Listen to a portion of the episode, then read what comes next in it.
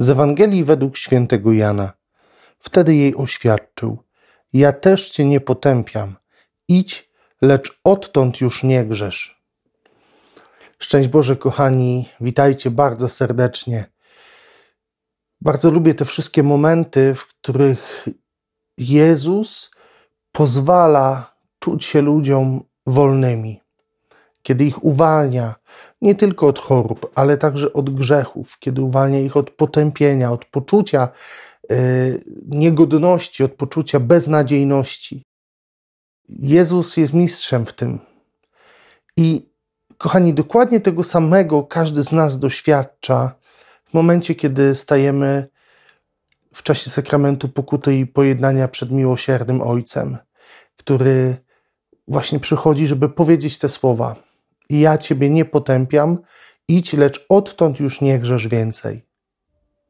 To jest niezwykłe, kiedy człowiek może czuć się w pełni akceptowany nawet w tych swoich słabościach, które doświadcza. Że Bóg chce, abyśmy mieli to przekonanie, że kocha nas pomimo naszych grzechów, pomimo naszych słabości, naszych upadków.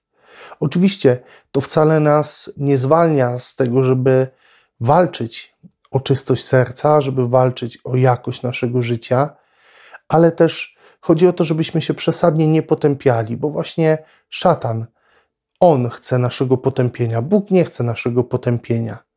To szatan nas potępia. Bóg chce, abyśmy czuli się Jego umiłowanymi dziećmi. Kochani, tego Wam życzę, takiego doświadczenia, żebyśmy kiedyś tak przeżyli sakrament pokuty i pojednania, żebyśmy mieli właśnie takie doświadczenie jak ta kobieta, która została pochwycona na cudzołóstwie. E... Dzień dobry, Halinko. Każdy z nas pewnie przed świętami jeszcze będzie gdzieś tam się wybierał do spowiedzi. Spróbujmy, korzystając z niej, przeżyć właśnie takie spotkanie z miłosiernym Bogiem, który chce za wszelką cenę nam pokazać, kim dla Niego jesteśmy, jak jesteśmy dla Niego ważni, jak nas bardzo kocha. Życzę Wam, kochani, dobrego tygodnia. Błogosławię Wam serca. Trzymajcie się dzielnie. Do usłyszenia i zobaczenia już wkrótce. Z Panem Bogiem.